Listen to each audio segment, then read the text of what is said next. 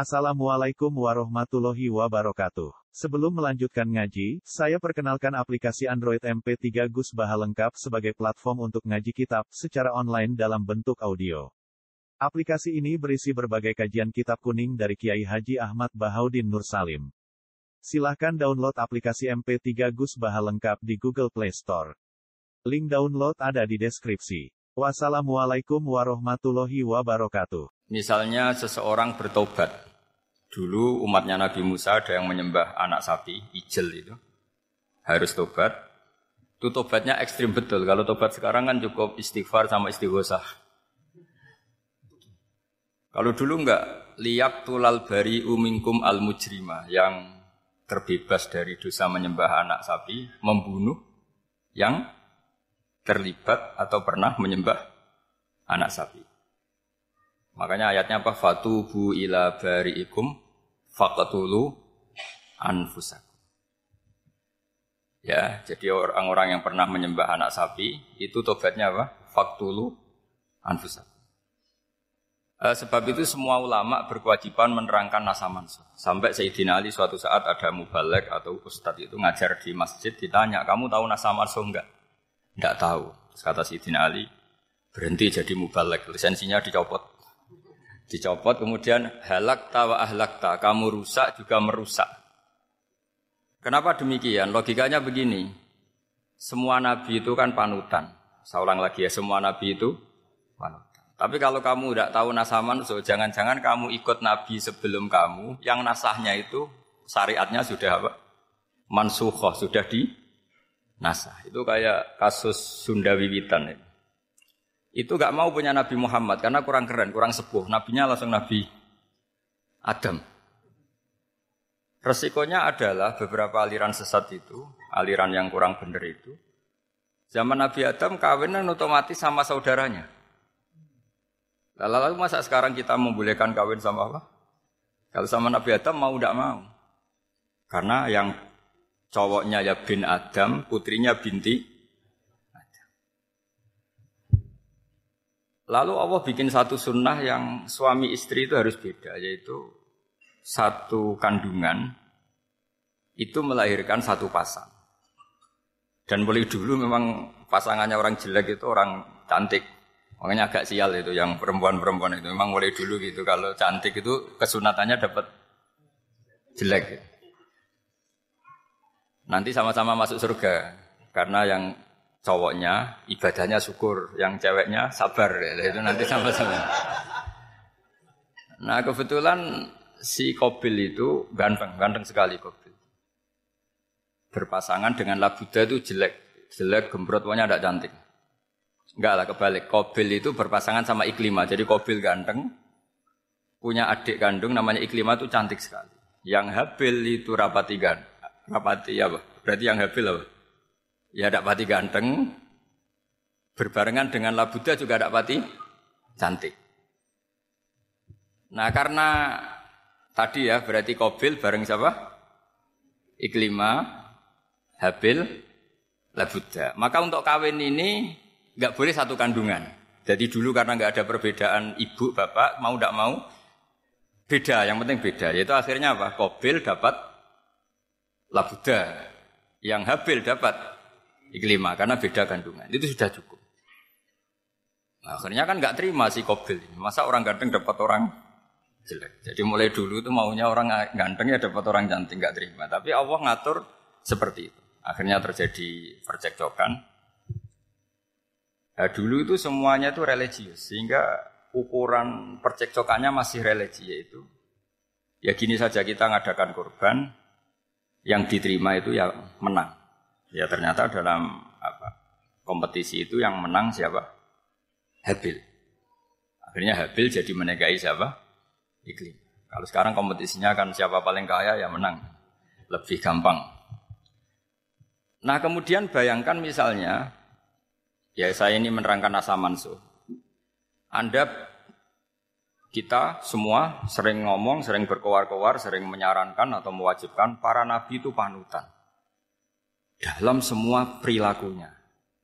ternyata ada beberapa perilaku yang sudah dinasah atau dihapus ketentuannya oleh syariatnya Rasulullah Shallallahu Alaihi Wasallam. Maka mengenali nasah mansuh itu keharusan dalam ulumul Quran. Ya, makanya Allah mengatakan apa? Manansah min ayatin au nunsiha pasti nak tibi khairim minha au jadi saya nerangkan nasah masa itu dua sesi. Satu sesi antar nabi, dua di internal syariatnya apa? Nabi. Sekali saja hari ini dok, sudah setelah itu anggap pinter sudah. Kalau sudah jangan tanya lagi. Nah, ada beberapa lagi syariat yang masalah metode. Dulu Nabi Nuh itu dibolehkan oleh Allah saking mangkelnya sama orang kafir. Saya ulang lagi orang kafir itu kan biadab sekali, nempat buminya Allah, makan rezekinya Allah, kemudian mengkafirkan Allah. Pikirannya Nabi Nuh, orang biadab gini nggak layak hidup, itu pikirannya Nabi Nuh. Kalau dia pakai militer, tidak punya militer, ya pakai langit akhirnya. Pakai kekuatan langit, beliau berdoa, Rabbi la tazar alal ardi minal kafirina dayar. Innaka intazarhum yudillu ibadaka wala yalidu illa fajirong kafar. Ya Allah, mereka ini orang-orang kafir. Padahal pakai bumi engkau, pakai rezeki engkau. Matikan semua saja. Jangan sisakan satu pun. Karena kalau masih sisa nanti anak turunnya ya gitu. Gennya gendo ya pasti melahirkan gendo. Gen wala itu illa fajirong kafar. Kalau kamu sisakan pasti melahirkan generasi gendo lagi kafir lagi. Dituruti sama Allah. Kecuali orang 80 yang ikut Nabi Nuh. Nah orang 80 yang ikut Nabi Nuh ini selamat karena iman. Maka generasi yang sekarang ini termasuk saya semua ini semuanya turunan orang iman. Maka kita ini punya dua status. Satu Allah kadang manggil kita ya Bani Adam karena faktanya kita turunan Nabi apa? Adam. Panggilan kedua adalah zurriyataman hamalna manu. Orang-orang sekarang itu pasti turunan orang yang ikut perahunya Nabi Nuh. Jadi nasab kita ini sudah steril. Sudah tidak ada nasab lewat kafir karena yang kafir sudah habis. Semua orang sekarang itu turunan Nabi Nuh. Yaitu disebut apa? Zurriyataman hamal nama. Itu sekitar orang 80. Nah, oleh Allah Subhanahu wa taala syariat seperti ini pernah dituruti, yaitu akhirnya mereka mati semua kecuali orang 80 yang mukmin. Tapi uniknya Allah apa? Era Rasulullah Shallallahu alaihi wasallam Nabi kita Nabi Muhammad itu diutus rahmatan lil alamin. Ketika Nabi didustakan, diusir, disakiti, malaikat gunung, malaikat beberapa malaikat sing ahli adab spesial eksekutor lah kira-kira gitu. Muhammad kamu bilang saja ke saya, kalau kamu ingin orang-orang Mekah bujal CS, saya hancurkan. Tapi apa kata Nabi? Saya berharap kalau mereka belum iman, anak cucunya iman. Karena bagaimanapun sperma ya atau calon calon bayi atau calon keturunan itu kan ada fi aslabir rijal atau fi zuhuri rijal. Jadi kalau dalam ilmu agama itu eh, gen manusia itu disimpan di apa zuhuri rijal apa di punggung lelaki. Nanti dipindah ke arhamin nisa.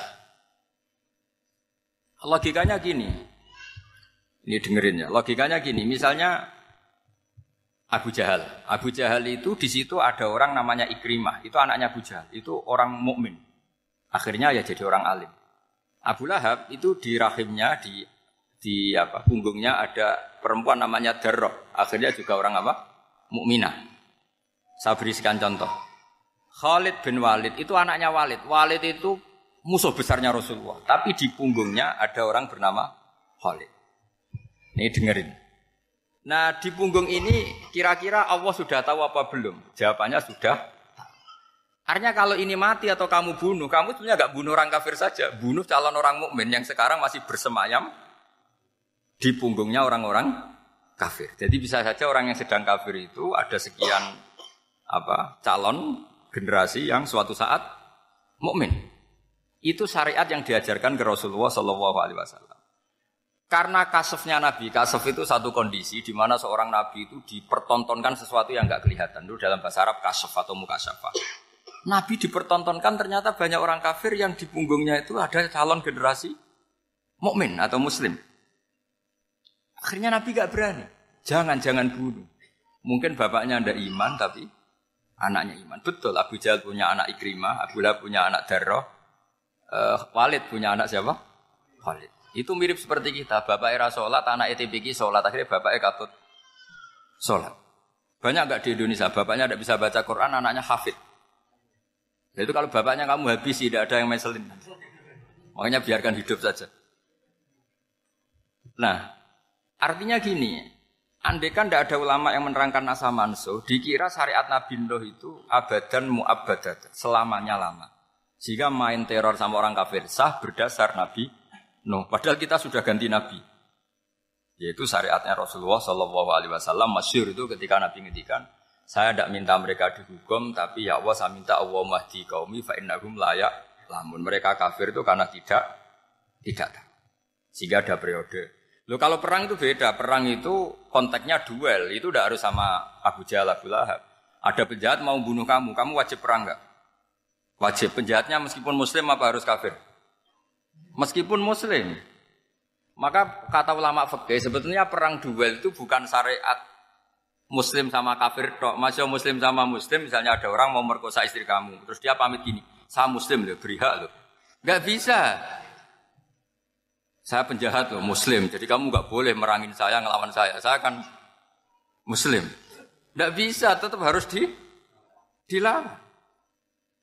Makanya kata ulama-ulama fikih, pertarungan sama musuh itu tidak harus sama orang kafir. Orang muslim pun yang mengganggu kehormatan kita, misalnya mau merkosa istri Anda, itu harus dilawan. Makanya Nabi ngendikan mangkutilah duna mali bahwa syahid, mangkutilah duna harimi bahwa syahid. Orang yang mati karena membela kehormatan keluarganya atau hartanya, maka dia mati syahid. Dan penjahat yang mati ini darun damu diabaikan sehingga nggak nggak kena kisos pembunuhnya nggak kena. Misalnya ada penjahat mau bunuh kamu, kamu duel menang, kamu nggak kena kisos karena ini darun damu diabaikan kehur matanya. Padahal dia muslim, apa? Muslim. Ini perlu. Jadi ini mengaji ini agak jelimat, tapi gampang. Kan kan kalau paham nggak paham selesai, jadi nggak baca selesai. Itu. Sehingga kalau nggak ada nasa manso, maka orang selalu berpikir, pokoknya yang penting ikut Nabi.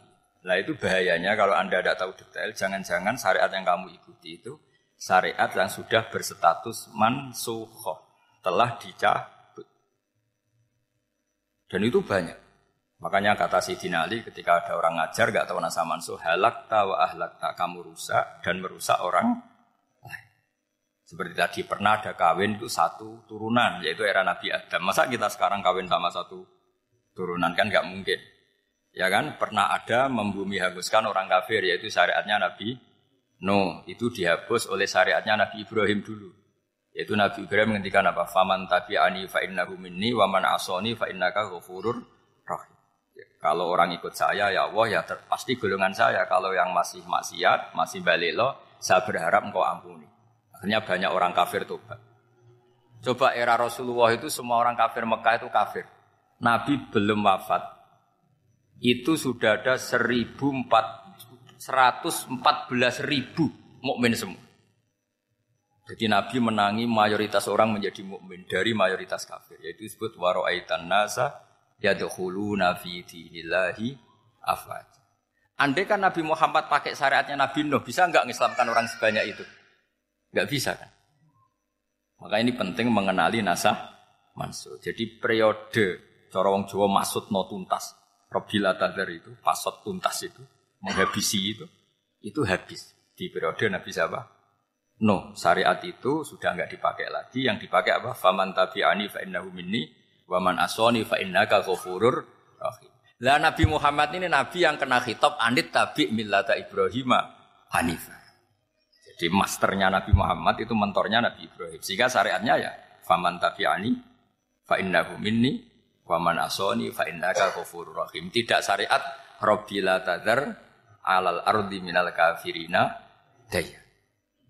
Jelas ya. Jadi mengenali nasa manso itu penting sekali karena kalau ndak Anda halakta wa ahlakta, kamu merusak diri kamu sendiri juga merusak orang lain. Karena menfatwakan hukum yang sebetulnya sudah berstatus mansuho hanya berdasar itu kan syariatnya nabi-nabi dulu. Syariat yang apa? Syariat yang nggak pernah terhapus hanya satu usuluddin yaitu tahu hit itu sama. Tapi kalau syariat itu beda-beda. Atau furu'iyah itu beda-beda. Itu tadi saya beri contoh era nabi dulu kalau ada pakaian najis dipotong dibuang. Era nabi Muhammad di cuci orang kafir dihabisi oleh langit Era Nabi Muhammad nggak boleh, bahkan didoakan Allah mahdi qaumi fa innahum la ya'lam. Di Qur'annya apa? Wa inna hadum minal musyrikin astajaroka fajirhu hatta yasma'a kalam Allah summa ablihu makmana. Jadi kalau ada orang kafir nggak boleh main dihabisin mereka, beri peluang untuk mengkaji kitab Allah. Hatta yasma'a kalam Allah. Kalau mereka sudah berpeluang ngaji, harus summa ablihu makmana, harus dijamin ke mana?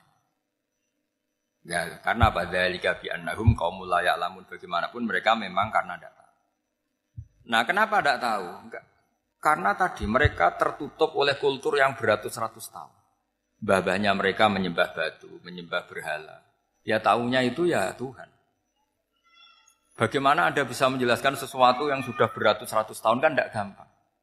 Maka ada periode dimaklumi. Apa? Kalau era sampean kan, mosok waktu disembah saking gobloknya orang, kamu lahir kan sudah nyembah Allah, dan nyembah batu. Bayangkan kalau kamu jadi mereka. Wong perut kamu saja disuruh makan pizza sakit kok, karena saking lamanya makan sambal kan gitu.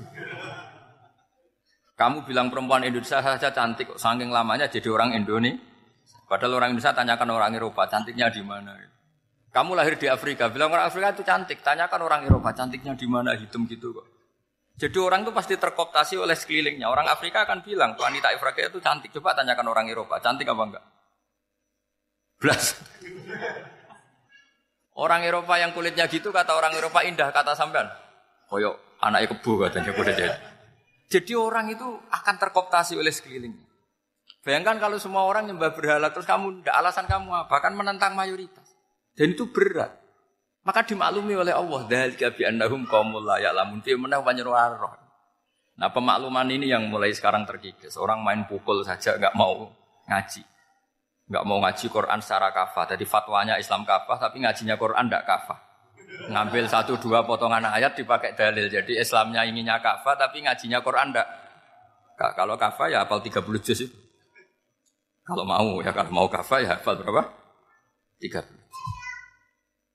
Makanya saya sering bilang, saya sering dinasihati orang. Karena belum tahu saya ini hafal Quran.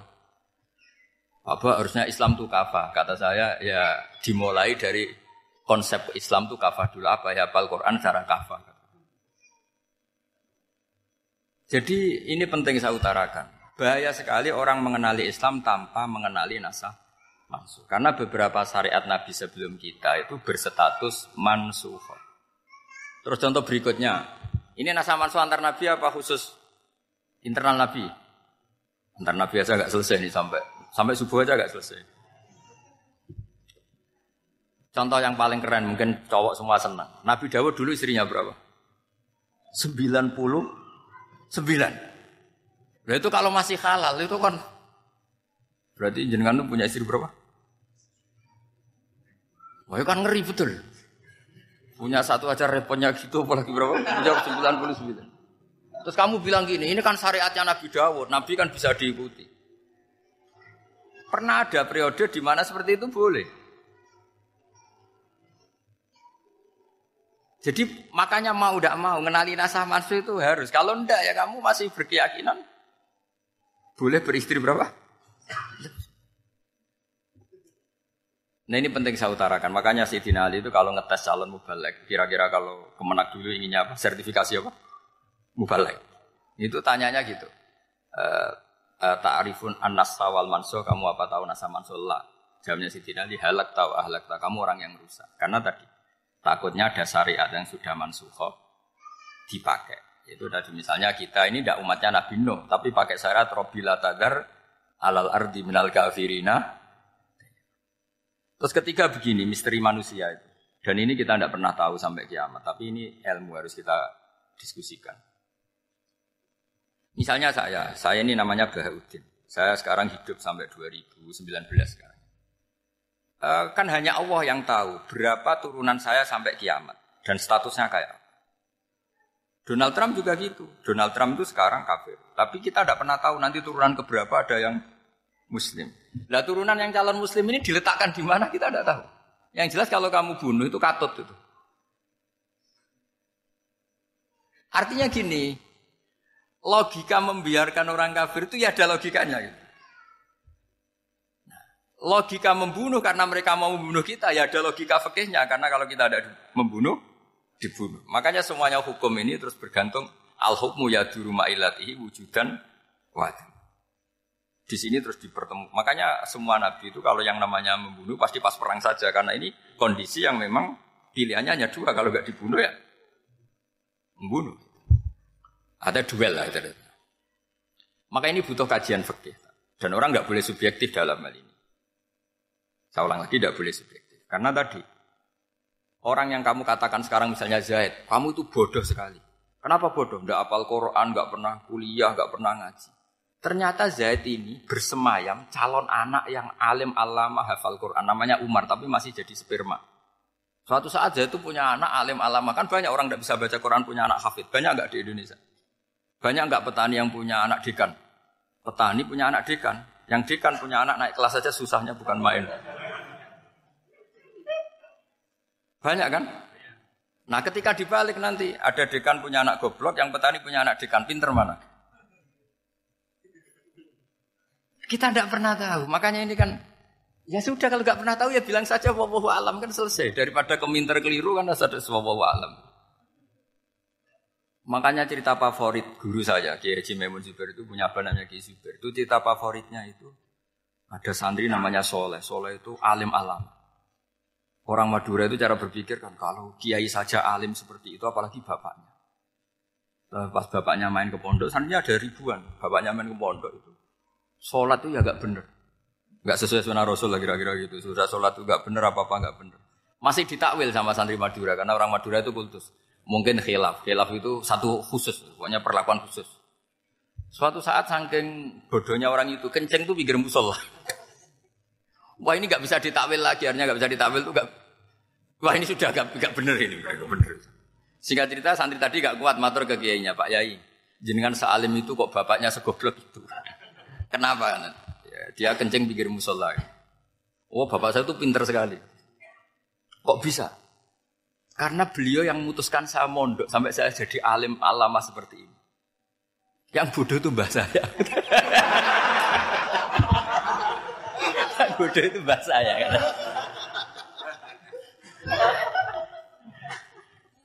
Artinya gini, sekarang misalnya Anda dekan, atau Anda rektor, atau Anda profesor, atau Anda kiai top, mubalek kondang. Anda mubalek kondang terus punya anak, gobloknya bukan main. Atau apalagi anaknya ketangkep KPK. Yang satu anaknya orang bodoh jadi dekan. Kalau kompetisi ini pinter mana? Ada ahli metodologi, tapi anaknya itu terlibat narkoba. Yang ini petani utun, anaknya dekan. Kira-kira kalau dikompetisikan pinter mana? Anaknya Pinter petani tadi gitu. Yang ketika petani kamu vonis bodoh gitu. Tapi siapa tahu kalau ini menyimpan calon Paham ya? Kita tidak pernah tahu. Makanya Quran selalu ngajari di dalam ilmu sosial itu wa in adri la allahu fitnatul lakum wa mata'un ila. Di dalam ilmu sosial itu kita harus jawab tidak tahu, tidak tahu, tidak tahu. Karena mudah. Makanya saya tadi pagi ngaji di direktorat saya bilang, saya pernah diprotes orang, Gus kamu udah jelas. 01 apa 02? Ya saya jawab, manusia itu makhluk yang paling gak jelas. Sekarang soleh suatu saat bisa saja gak soleh.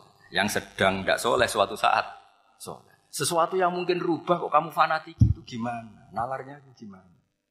Coba kita tahu dulu, Wahsi itu pembunuh Hamzah. Akhirnya mati mukmin ya gak? Padahal orang yang sangat dibenci Rasulullah karena membunuh saya siapa? Hamzah. Salabah yang tukang itikaf di masjid, akhirnya suul.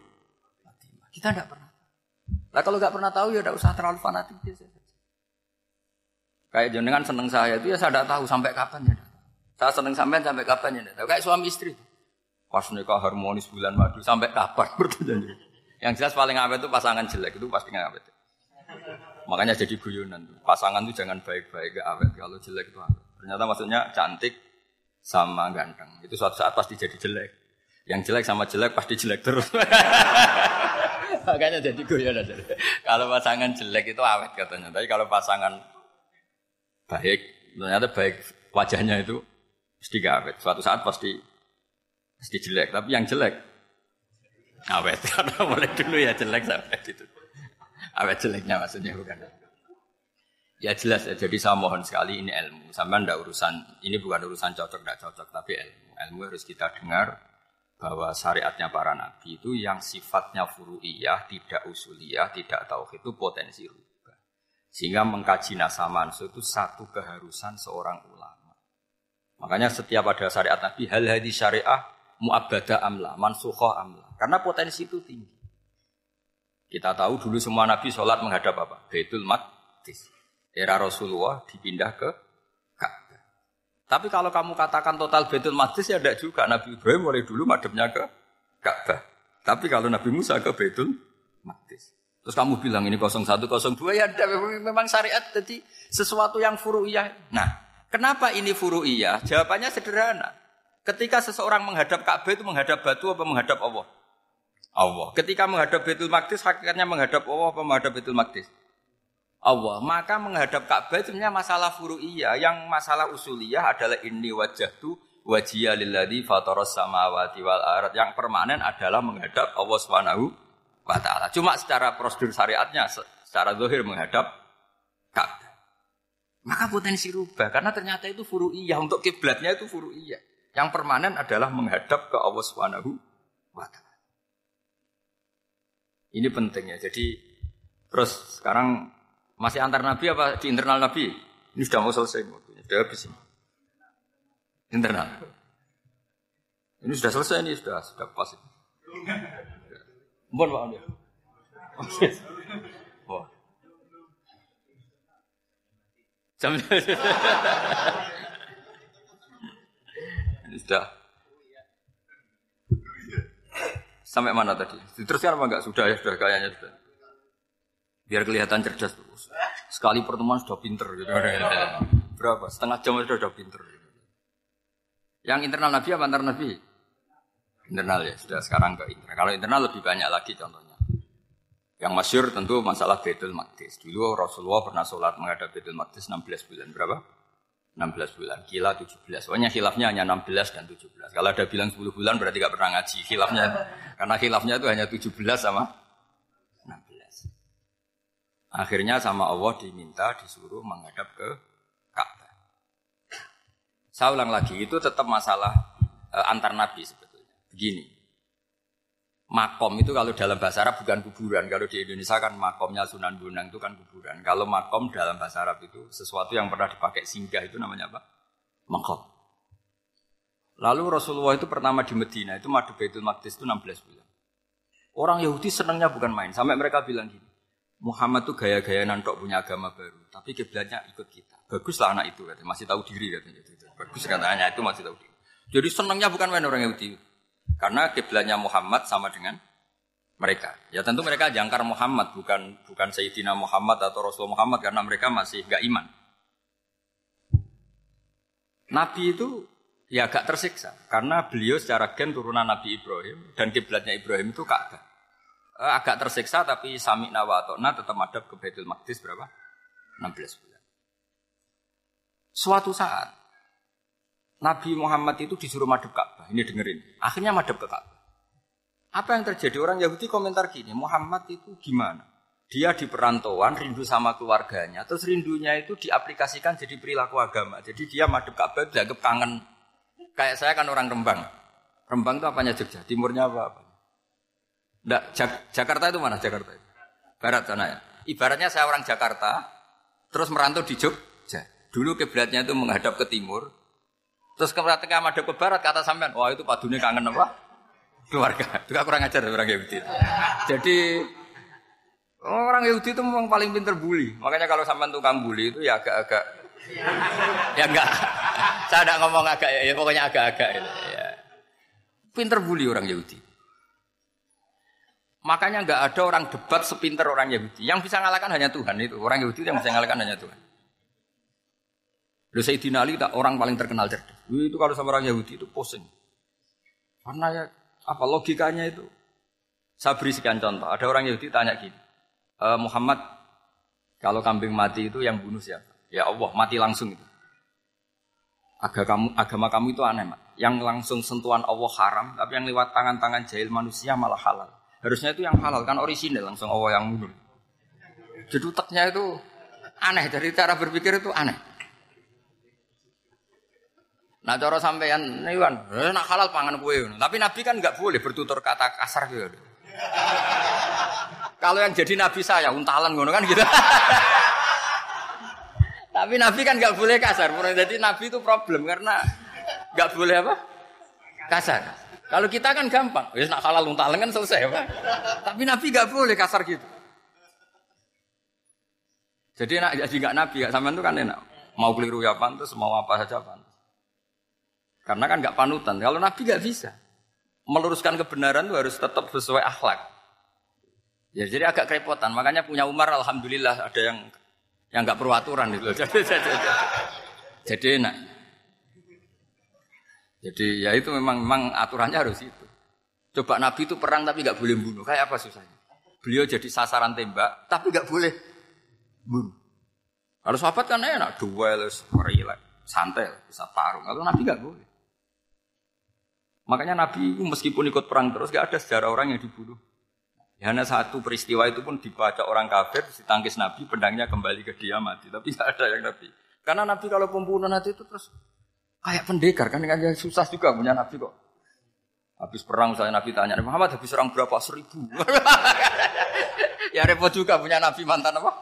Pembunuh, meskipun yang dibunuh orang kafir. Tapi kan kayak apa ya? Fitrah manusia itu akan menolak kepemimpinan orang yang yang gitulah pokoknya nggak bisa diterangkan itu. Makanya Nabi itu nggak pernah bunuh, meskipun kayak apa musuhnya tapi nggak pernah bunuh.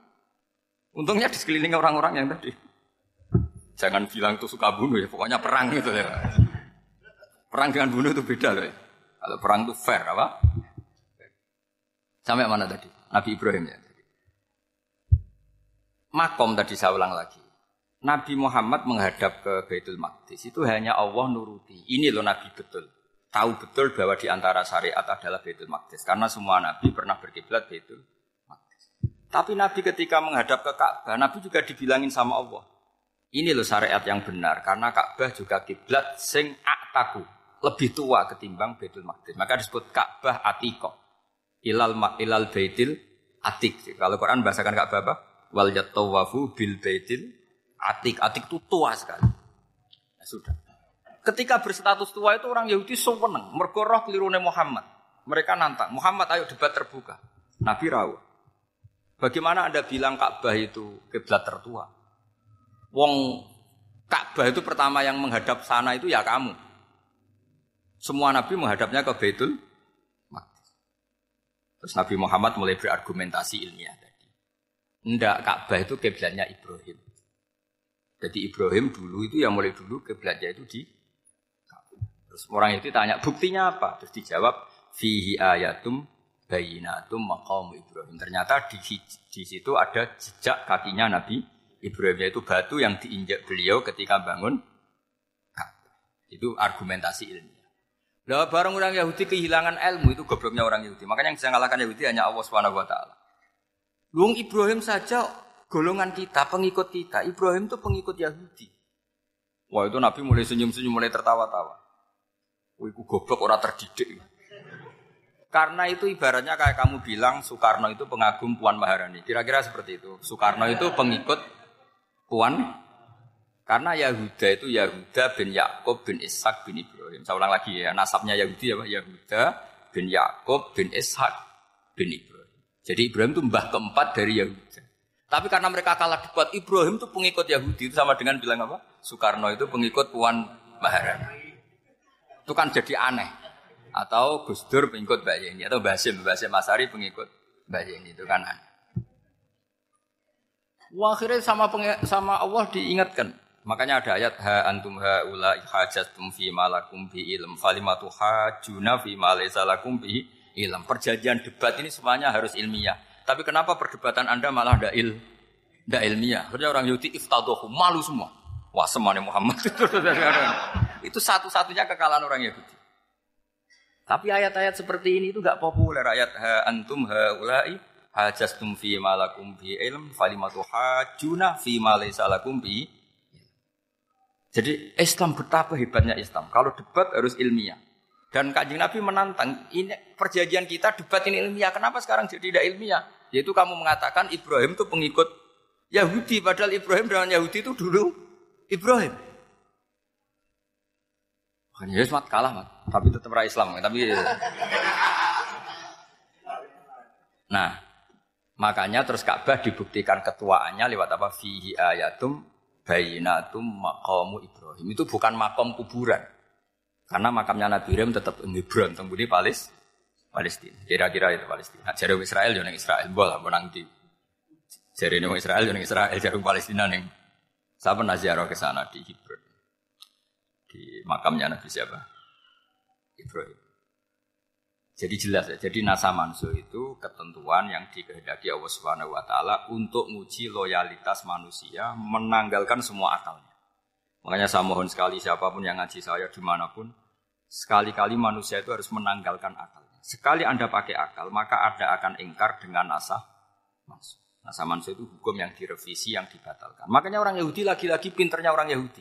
Merovokasi orang-orang yang Islamnya belum kuat, diprovokasi gini. Ungzuru ila Muhammadin tahayyara fidin yukhillu yauman wa yuharrimu ukhra. Lihat itu Muhammad, dia kebingungan cara beragama. Kadang bilang A, besok bilang B. Jadi Nasa Mansur dianggap satu bentuk kebingungan. Gak kurang ajar. Wah, akhirnya sebagian orang yang murtad. Makanya Nasa Mansur itu satu peristiwa yang menjadikan banyak orang murtad. Karena diprovokasi orang Yahudi bahwa itu bentuk kebingungan Muhammad. Akhirnya terus saya kulu sufa umunan nasi mawallahum angkiblati mulati kanu nah, Kelirunya orang Yahudi adalah ternyata nasa mansuh yang dipilih Rasulullah itu semuanya ada di Taurat dan Injil. Termasuk di Taurat dan Injil disifati dan Nabi yusolli ilal kiblatin bahwa Nabi ini akan bersolat dengan dua kiblat. Makanya tetap ditantang. Kul faktu bitoroti fatluha in kuntum sodikin. Kalau kamu tidak percaya bahwa saya ini orisinil, ayo bareng-bareng mengkaji Taurat. Tapi mereka tidak siap mengkaji Taurat. Karena Taurat semuanya mendukung Rasulullah Muhammad Shallallahu Alaihi Wasallam. Fatluha in kuntum Makanya ini penting sekali ngaji. Jadi perdebatan itu macam-macam. Dan itu pinternya orang Yahudi. Ungzuru ila Muhammadin tahayyara fi ini. Yukhillu yaman wa yuharrimu Ini penting sekali. Makanya nasa mansu itu uji loyalitas. Itu Imam Malik kalau mencontohkan ke Imam Syafi'i. Saya berisikan contoh fakih. Ini saya melanggar waktu. Saya, saya, saya yang tidak mengesahkan diri saya. Ya misalnya ini ya, ini kertas bawa ya, ini kertas saya bawa. Terus ini tak kasih uang misalnya, uang seratus ribu. Atau kalau contoh Imam Syafi'i dulu dididik Imam Malik begini. Ya Syafi'i kalau kamu punya dua budak, dua pembantu, kalau dulu kan masih ada budak, dua pembantu lah kira-kira. Seneng mana, yang cerdas sama yang goblok? Eh, seneng yang cerdas. Kalau yang nurut sama yang bantahan, Seneng yang nurut. Lah yang nurut itu yang goblok. Makanya tinggal dibalik saja. Kamu tak beda ya. Seneng mana punya istri yang cerdas apa yang goblok? Coba coba. Atau ibu-ibu mbak-mbak ini. Seneng mana punya suami yang cerdas atau yang goblok? Kalau cerdas gak bisa diakali. Tapi goblok nurut tapi ya kadang di sini-sini kan dengan Nah, itu kan antar manusia. Masalahnya kita menghadapi Allah Subhanahu wa taala yang semua kita pasti bodoh. Kita menghadapi Allah Subhanahu wa taala yang semuanya kita pasti bodoh. Allah jelas ngendikan wa kanal insanu dzaluman. Jauhlah manusia itu banyak dolimnya. Dolim itu sifat mubalaghah. Kalau orang dolim sekali dolim, kalau sering dolim. Kalau jahil biasa jahil, kalau banget jahili jahul. Bahasa Arab kan gitu memang. Ghafir, pengampun biasa. Kalau ghafur, selalu mengam, uni, syakir. Makanya sifatnya Allah Ta'ala ikut, ikut wazan fa'ul semua. Ghafur, syakur. Atau diikutkan wazan fa'al. Kalau goblok biasa jahil, goblok banget jahal kan itu. Kafir biasa kafir, kalau kafir banget kafar. Ya, jadi wazan balaghah itu bisa fa'al, bisa fa'ul ya. Kafirin, kafar atau kafur. Paham ya? Malah kok malah ngaji nahu. Ya, tapi ini memang perangkatnya ya. Ini kan perang mau tidak mau, mau tidak mau. Makanya Misalnya Allah tidak suka kulla kafarin banget kafir ya Pak. Paham ya? Kulla khawanin banget khianate. Kalau khain khianat biasa, kalau khawan sering khianat. Nah manusia itu kata Allah apa? Doluman, wis banget dolime, banget bodoh. Itu kalau yang ngarang hikam mencontohkan tuh gini, manusia itu pas bener saja salah, apalagi pas salah. Jadi manusia itu kata Imam yang ngarang hikam itu man itu kanat mahasinhu masawiya fakih fala takunu masawihi masawiya. Ketika baik saja buruk, apalagi ketika. Coba kalau ada orang dermawan sama teman-temannya. Tanyakan istrinya. Duit dihambur-hambur. Di sini konco ngalono bojo. Nah, mesti gitu. Teman yang sering silaturahim ke teman-temannya. Kata temannya baik, senang silaturahim. Tanyakan istrinya. Oh, meninggali wong. Jadi manusia pas baik saja ada buruknya. Apalagi pas pas buruk. Makanya dulu bapak saya ngajarin saya istiqomah ya apik ya. Tapi kadang-kadang nak keterusan itu ora istiqomah ngangkangi. Orang dia tidak punya kesempatan. Misalnya ada imam masjid mami terus sampai tua sampai mau mati. Itu istiqomah apa tidak memberi peluang yang lain? Tidak jawab. Jadi itu manusia. Jadi pas baik saja buruk. Apalagi pas buruk. Kayak saya gini di sini ngajar baik, tapi saya ada tidak sopannya harus di atas. Padahal banyak orang sepuh ada Pak On, ada beberapa yang kan terpaksa nggak sopan. Tapi sama yang nyuruh, berarti sama yang dosa.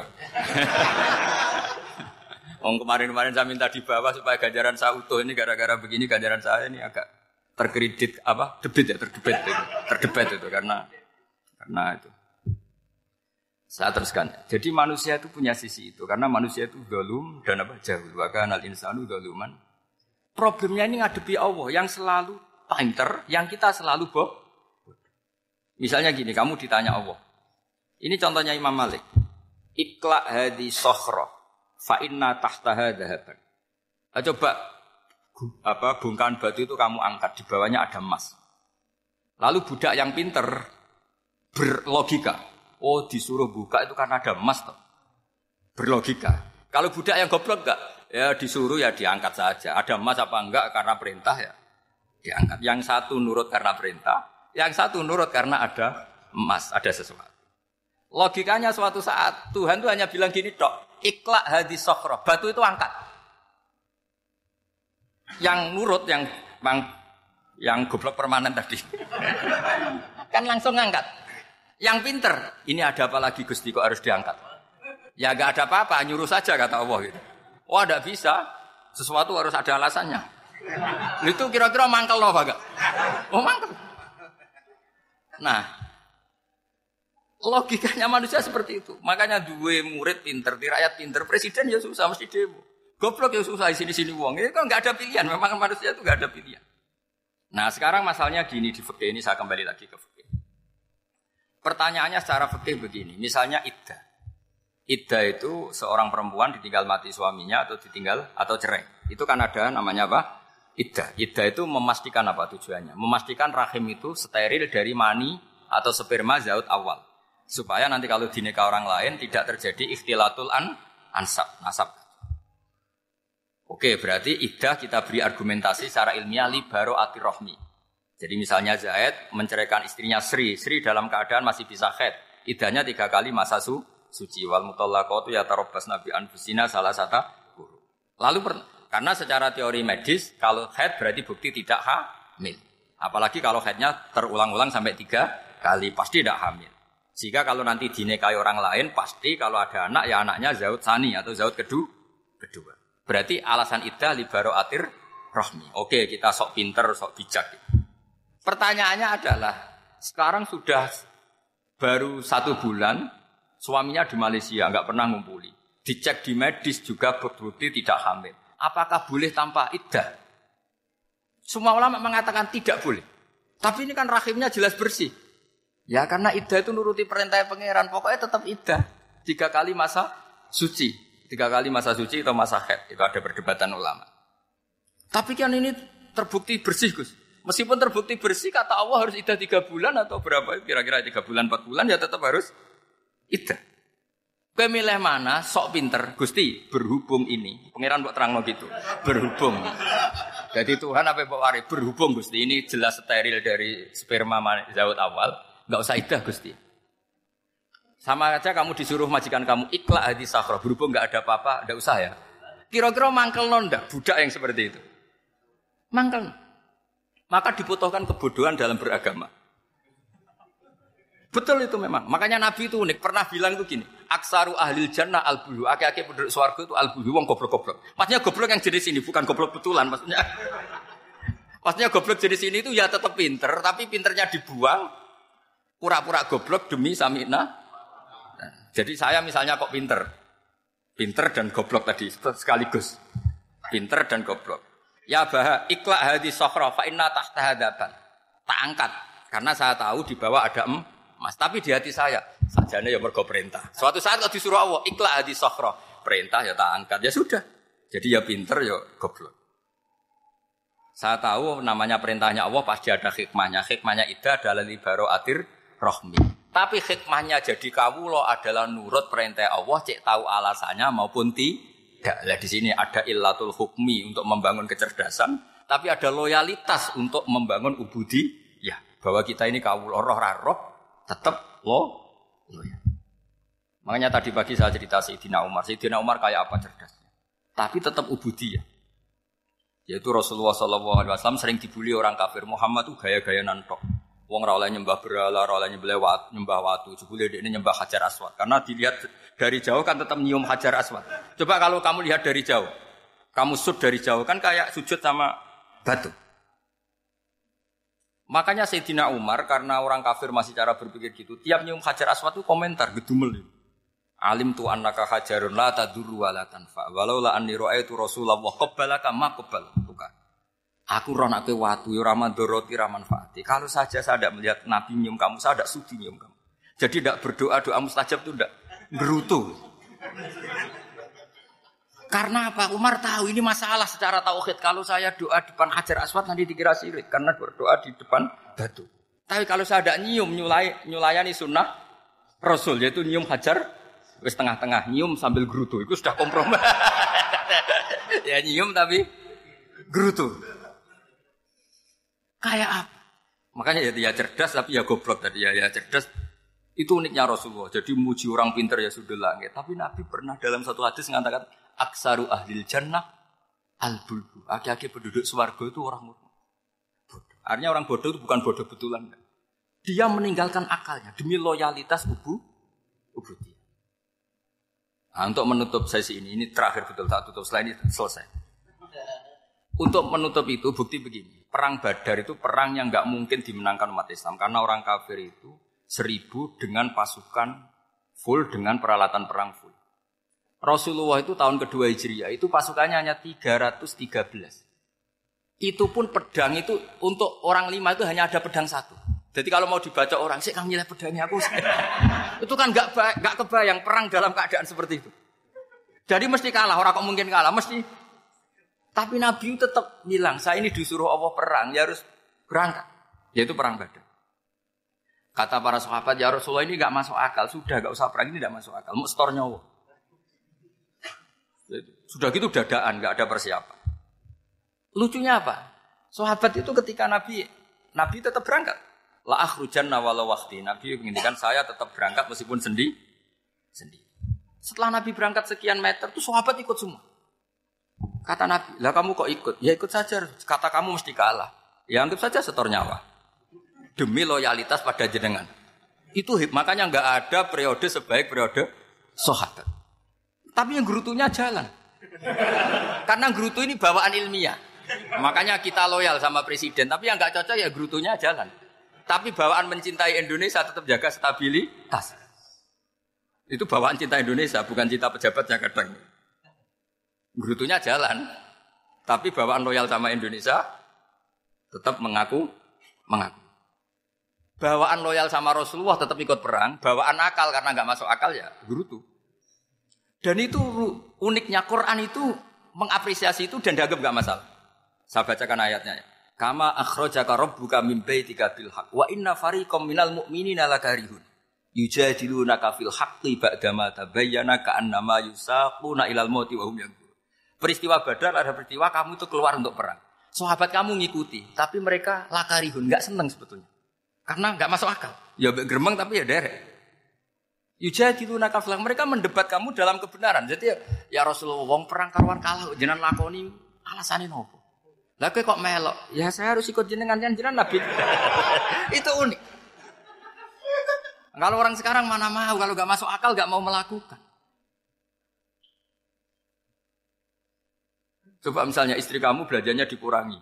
Anggap saja petualangan latihan hidup di masa lalu. Gak mau. Padahal petualangan itu hal yang indah. Petualangan itu kan hal yang indah. Kan gak mau.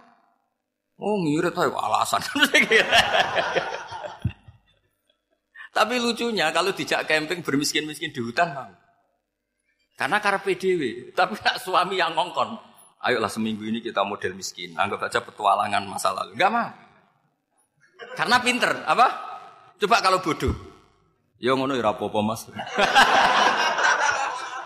Tapi resiko nak bodoh, pas kamu sakit ya dibiarin. Karena dia melihat sakit kan biasa, namanya manusia. Jadi makanya ini pilihannya susah hidup itu masih susah makanya ini. Jadi uniknya Quran gitu, Quran itu membolehkan psikologi manusia. Makanya Allah ngendikan kutiba alaikumul qital wa huwa kurhul Ya saya tahu kamu tidak suka perang. Allah yang aku bahwa kurhul enggak apa-apa. Tapi ketidakserangan kita harus dilawan demi mengikuti Allah dan misalnya perempuan Allah juga gitu wa ashiruhunna bil ma'ruf gauli istri kamu muamalah secara baik. Kata Allah fa in karihtumuhunna fasa antakrohu syai'a wa ja'alahu fi khairam kasira. Mungkin ada watak yang kamu tidak suka, tapi di situ ada kebaikan. Allah ngaku yang namanya suami mesti ada watak yang nggak suka dari istri. Juga sebaliknya lebih banyak lagi yang suami istri kamu tidak suka watak kamu. Juga nggak suka hidung kamu, wajah kamu banyak lah nggak disuka. tapi demi kestabilan negara suami istri ini, mereka lo loyal justru itu bagus.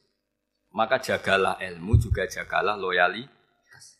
Itu yang perlu saya utarakan. Jadi makanya agama ini dibangun dua. Satu kecerdasan hikmah, yaitu ya al-hukmu ya duru ma'ilati wujudan wa adaman. Tapi juga ada ubudiyah, bahwa agama ini milik Allah. Maka sami'na wa Karena begini logikanya, saya ulang lagi masalah batu.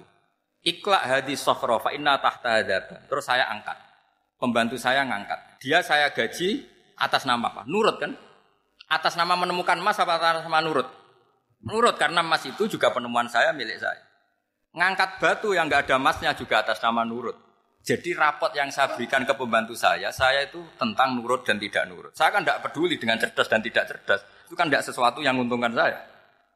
Nah Allah juga gitu. Kecerdasan kamu, pinter kamu itu tidak menguntungkan Allah subhanahu wa ta'ala. Karena Allah itu tidak butuh pinter kamu, cerdas kamu. Allah hanya butuh mental ubudiyah kamu. Makanya Allah mensifati nabinya hanya subhanalladzi asra bi abdihi karena status tertinggi manusia adalah sifat kehambaan. Makanya ya ayat Tuhan nafsul mut inna irji'i ila rabbiki radiyatam mardiyah fadkhuli fi ibadi. Berstatuslah sebagai hamba baru wadkhuli Nah kalau kamu berstatus hamba ya harus baik, gak usah akan bantah.